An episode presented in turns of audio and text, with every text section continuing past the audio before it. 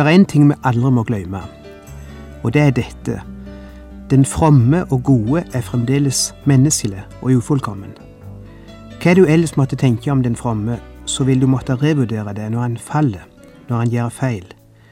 Du vil bli skuffa og såra og krenka og støtt.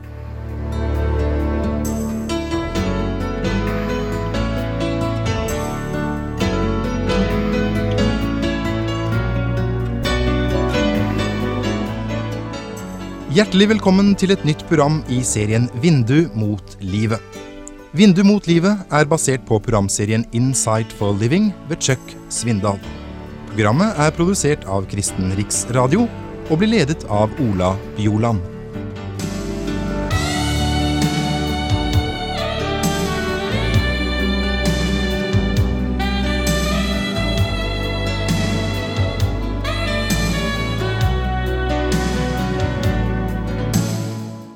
Før vi ser på teksten om Abraham i dag, skal vi lese et par vers ifra et helt annet avsnitt av Bibelen, ifra Jakobs brev kapittel 5 og vers 17-18. Elia var et menneske under samme kår som vi. Da han ba om at det ikke måtte regne over landet, falt det ikke regn på tre år og seks måneder. Så ba han på ny, og da ga himmelen regn, og jorden bar igjen sin grøde. Det som interesserer meg her, er første delen av det vi las, som sier at Elia var et menneske under samme kår som vi. En engelsk bibelversjon har oversatt det slik et menneske med samme natur som oss.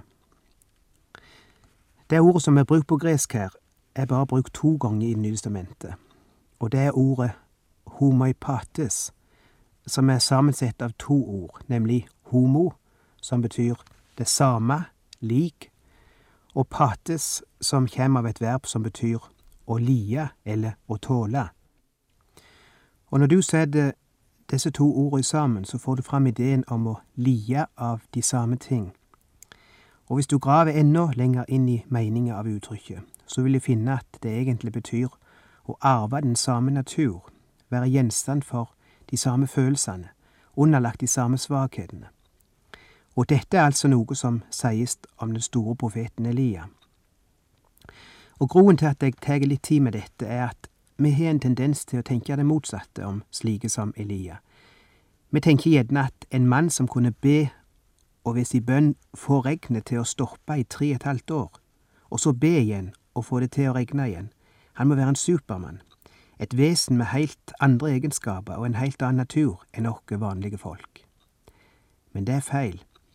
Rett nok var han profet, og rett nok var han et utvalgt redskap for Gud, men i sin natur er han homoipates, som det står, like deg og meg, med samme natur, underlagt de samme svakhetene og de samme skrøpelighetene, går gjennom perioder med nederlag og skuffelse, og fall, vandrer bort ifra Gud, har en gammel, skrøpel natur som han slåss imot.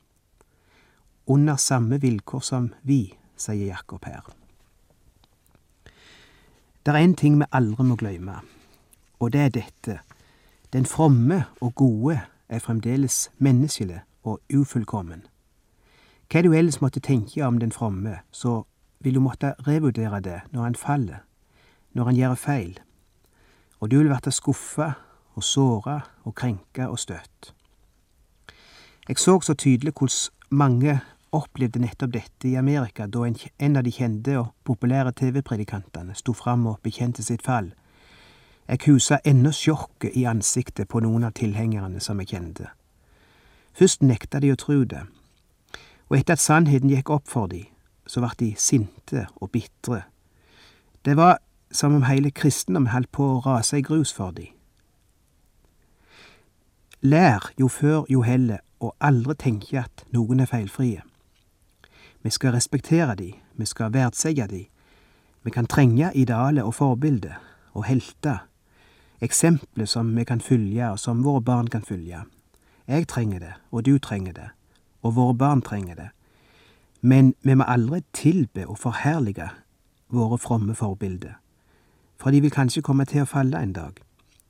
De vil komme til å vise at de er svakheter, og kan gjøre feil og bedømme ting feil. De er mennesker under samme vilkår som vi, med samme natur, samme fristelser, samme svakheter. Poenget med alt dette er å være forberedt på å høre det som vi nå skal høre om vårt forbilde Abraham, den gode og fromme Abraham, i første Mosebok tolv. Hvis du ikke klart for deg det som vi har sett på nå i Jakobs brev, vil du lese første Mosebok tolv, og du vil si hva er det som er galt her? Var ikke Abraham den gode og fromme mannen som jeg alltid har trodd? Var han ikke en Guds mann? Å jau, det var han, men han var menneskelig. Han var ikke fullkommen. Og det kom ei tid i hans liv da han strauk i en prøve, akkurat som du og jeg gjør.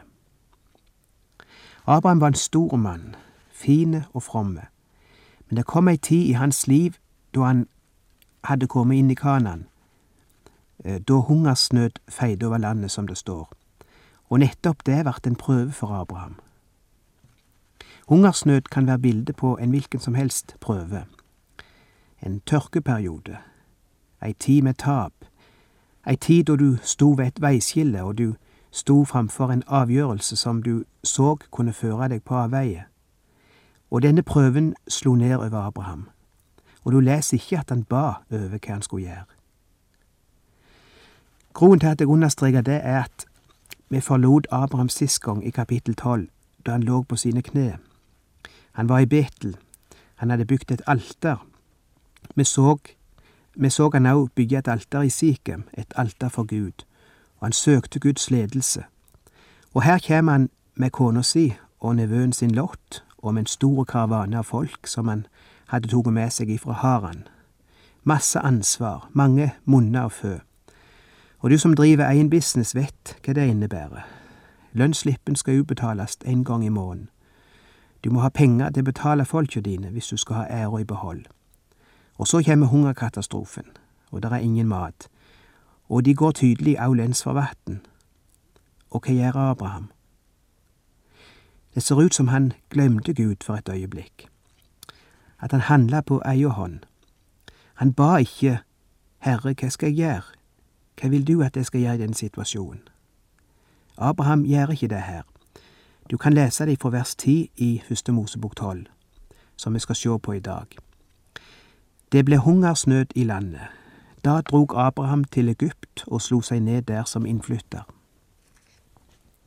Før jeg går til neste del av denne fortellingen, så la meg først si at Gud har ikke lova oss noen rosenhage. Og aldri fortell en person som holder på å bli kristen, at hvis han gir seg over til Gud, så skal alle problemer bli løst. Du skulle bare våge å lede han inn i en slik vranglære. Hvis du leder et menneske til Jesus, så fører du han inn i en ny dimensjon. Du lover han evig liv. Du lover han tilgivelse og oppreisning og et nytt og godt liv. Men du kan ikke love han at han skal bli fri fra alle problem, ifra alt press. Du kan ikke love han økonomiske framgang. Du skulle bare våge å love noe slikt. Du kan ikke love han popularitet og berømmelse. Slutt å tro på folk i media som sier dette. Du kan bare love han Jesus sitt liv, som er det rikeste liv som kan leves på jorda. Så er Abraham på vei til Egypt, og fordi han tydeligvis ikke har snakket med Gud om dette, så ble veien til Egypt her et bilde på ulydighet, at du går din egen vei uten å ta Gud med på råd. Og det er ikke sikkert at den veien fører til sånn umiddelbar ulykke. Det er ikke sikkert at det fører til noen umiddelbar katastrofe eller smerte eller noe slikt. Alt kan forbli som det var. Det er ikke sikkert du vil høre stemmer eller sjå syne eller møte ulykke fordi om du flykta til Egypt i ulydighet. Ikke umiddelbart, iallfall. Alt kan føles som før. Poenget er at du innleder deg på en vei som etter hvert fører nye konsekvenser med seg ny ulydighet, nye bekymringer, og du er inne i en vond sirkel. Du får en klamp om foten som vil henge der inntil du er tilbake til der du flykta ifra. Tenk på David som sto på toppen av taket og, og tyvkikka på Batseba, den nydelige kvinna som bada i nabohuset, og som innleda et forhold til henne. Med det samme hendte der ingenting, Det opplevdes godt og fint, det som skjedde, torde David. Ingenting vondt fulgte med det. Ingenting fælt skjedde i familien. Ingen ulykke. Ingenting. Ikke med det samme, iallfall. Konsekvensene kom seinere, og de ble så grusomme for David at han aldri kom til å handle i ulydighet mot Gud mer. Grunnen til at jeg dveler litt ved dette, er at noen av dere er akkurat i en slik situasjon nå. Du står ved en skiljevei, du står overfor en prøvelse, og det er lett å velge en vei som Gud ikke er med på, en vei som går imot Egypt, for å ha dere i bildet, uten å ha rådført deg med Gud. Og du vil kanskje ikke komme til å oppleve noen umiddelbare katastrofe, men du vil møte uforutsette problem på denne veien, nye fristelser, slik Abraham gjorde da han flykta til Egypt. La oss lese videre hva som skjedde fra vers 11. Like før han kom til Egypt, sa han til sin kone Sarai, Hør på meg, jeg vet at du er en vakker kvinne. Når egypterne får se deg, kommer de til å si, Dette er hans kone. Så slår de meg i hæl og lar deg leve. Kjære, si at du er min søster, så det kan gå meg vel for din skyld, og jeg får beholde livet takket være deg. Slik har Abraham aldri snakket før. Dette likna ikke på Abraham. Hvorfor gjør han dette? Hvorfor resonnerer han slik? Fordi han er, han er på en vei som Gud ikke er med på. Han går sin egen vei nå, Abraham, og bekymringer som han ikke hadde før, begynner å få tak på han og styre tankene hans. Abraham kjenner disse egypterne. Han vet hva de tenker, og hva de vil komme til å gjøre når de ser Sara, som er ei veldig vakker kvinne, som det står. De vil ha henne, og for å redde sitt eget skinn tenker han, la de ha henne, så slipper iallfall jeg fri. En kjent gammeltestamentlig kommentar har et interessant avsnitt om Sara og hennes alder som jeg vil sitere litt ifra. Da Sara var 65 år på den tiden, har mange funnet det problematisk at hun fremdeles skulle være vakker og tiltrekkende. Men når vi vet at hun levde til hun var 127 år, så forstår vi at hun nå kun er en middelaldrende kvinne, altså som en 40-åring i dag.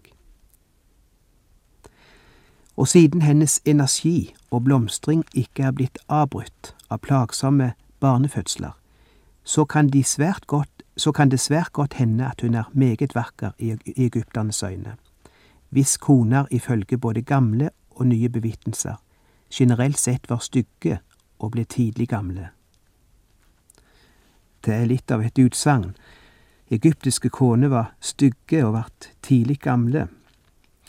Vel, det måtte være det Abraham visste, og han sa, Sara, hør nå her, la oss gjøre en avtale. La oss gjøre en avtale slik at jeg kan overleve. Problemet i alt dette er at det han sa, var en halv sannhet. Det var delvis sant, det han sa. Sara var virkelig hans halvsøster, og derfor sier han, la oss skjule det faktum at du i det hele tatt er kona mi, og kun si at du er søster mi. Ikke si noe om vårt ekteskap. Og ganske visst, det han tenkte skulle skje, det skjedde. Da når Abraham kom fram til Egypt, så egypterne at kvinnen var meget vakker. Og ikke en gang ber han, ikke en gang sier han, Herre, beskytt oss, sett et vern rundt oss, vokt dere gjennom denne tida. Han er ikke lenger på troens grunn, Abraham, han er på vandring bort ifra Guds vei, imot Egypt. Og vi leser ifra vers 15. Og da faraos stormenn fikk se henne, roste de henne for ham. Så ble hun hentet til faraos hus. Og jeg tenker med meg sjøl, hvorfor ikke? Denne kvinna kommer sammen med en mann, og hun er hans søster, og hun er ledige. Og farao behandla Abraham godt for hennes skyld. Her igjen har vi fiendens triks. Hvis Abraham hadde problem med dårlig samvittighet, så burde dette sikkert dempe den vonde samvittigheten, for alt er jo bare såre vel så langt. Vers 16 Og farao gjorde vel imot Abraham for hennes skyld. Han fikk småfe, storfe og esler, treller og trellkvinner, eselhopper og kameler. Så han kler han virkelig opp, og Abraham tenker, takka være den fine ideen jeg kom på, så har vi det fint nå. Sara har det fint, og jeg har fått tak over hodet, og det står ikke så verst til tross alt. Og jau, det står dårlig til. Det ser bare ikke så dårlig ut. For skrevet mellom linjene er en samvittighet Abraham må leve med.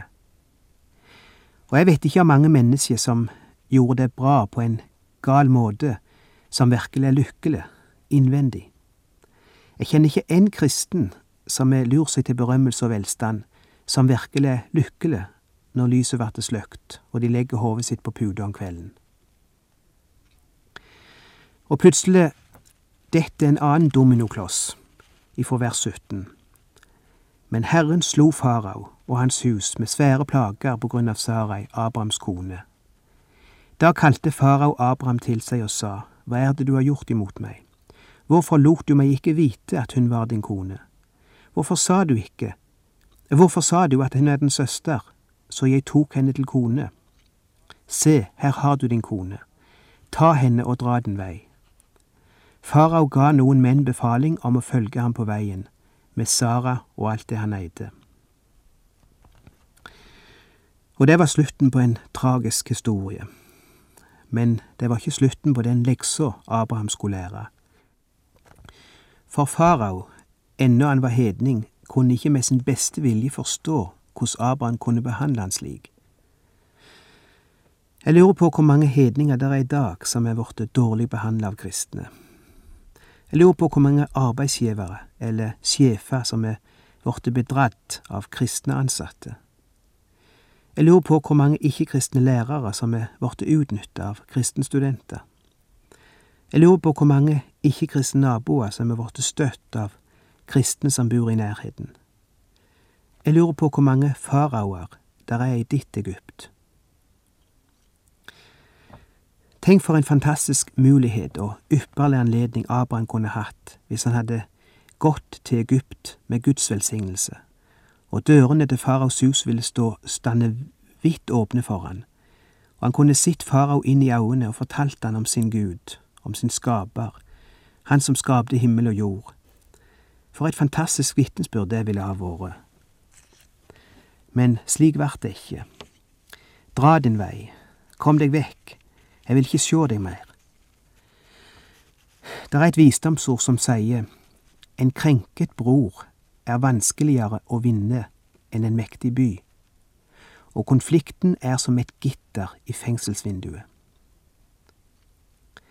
Prøv å vitne for en ikke-kristen som er blitt bedratt av en kristen, og du skal få en tøff jobb. Du står overfor en farao som er blitt krenka og såra av en truende, kanskje, og han er ikke mye til overs for verken deg eller kristendommen. Er ikke det situasjonen for mange i dag, tru? Og nå vil jeg si det så enkelt som Guds ord sier det en plass. Vandre i Ånden, så du ikke skal fullbyrde kjødets lyster ta Gud med på veien. Jeg vil gjerne få fram hvor viktig han er, den vesle bestemmelsen du tar, som kan sjå ganske uskyldige og harmløse ut, og ufarlige. Jeg vil minne deg om at der er faraoer i ethvert Egypt som vil verte skuffa og såra. Hva som enn måtte være din prøve, hva som enn måtte være din fristelse, må Gud hjelpe deg til å stanse opp og søke Hans vilje om hva du skal gjøre. Hvor herlig det er når vår far finner et barn som ganske enkelt er avhengig av han hver dag. Hvor herlig det er for far å høre oss si hver morgen. Herre, jeg vet ikke hva denne dagen vil bringe. Dette er min timeplan. Jeg vet ikke hvordan du har tenkt å lede meg gjennom denne dagen, men gi meg en følsomme og vagen ånd for hvert skritt jeg tar på veien.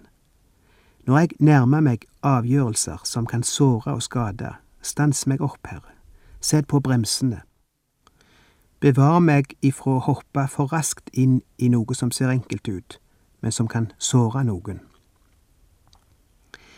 Kanskje du vil si, for å være helt ærlig, så er jeg allerede nå på vei imot Egypt, og jeg har allerede rota meg inn i farausen husstand. Ingen skade er skjedd ennå, kanskje, men jeg vet jeg vil komme. Jeg trenger hjelp. Vel, ta det opp, da. Fortell Gud hvor du er. Ta det opp med Gud i en åpen og direkte bekjennelse, og kom deg ut ifra den plassen så fort du kan. Be Han om å lede deg når du trekker deg tilbake. Be Han om å gi deg mot til å snakke med de faraoene som du er såra, og de saraene som du er skada. Kanskje det vil ta deg noen timer eller dager av ditt liv til å rydde opp her, men det er verdt det. Eller kanskje du er ei Sara i fortellingen, eller en farao. Kanskje det du trenger er å tilgi din bror eller de søster som fikk deg opp i den situasjonen du er i dag, og som har skada deg og såra deg. Og du er latt det denne personen gjorde imot deg, være en unnskyldning for, for kjødelighet men det er ingen løsning. Det er ikke noe svar på problemet. Selv om han aldri snur, blir det hans problem. Du kan snu.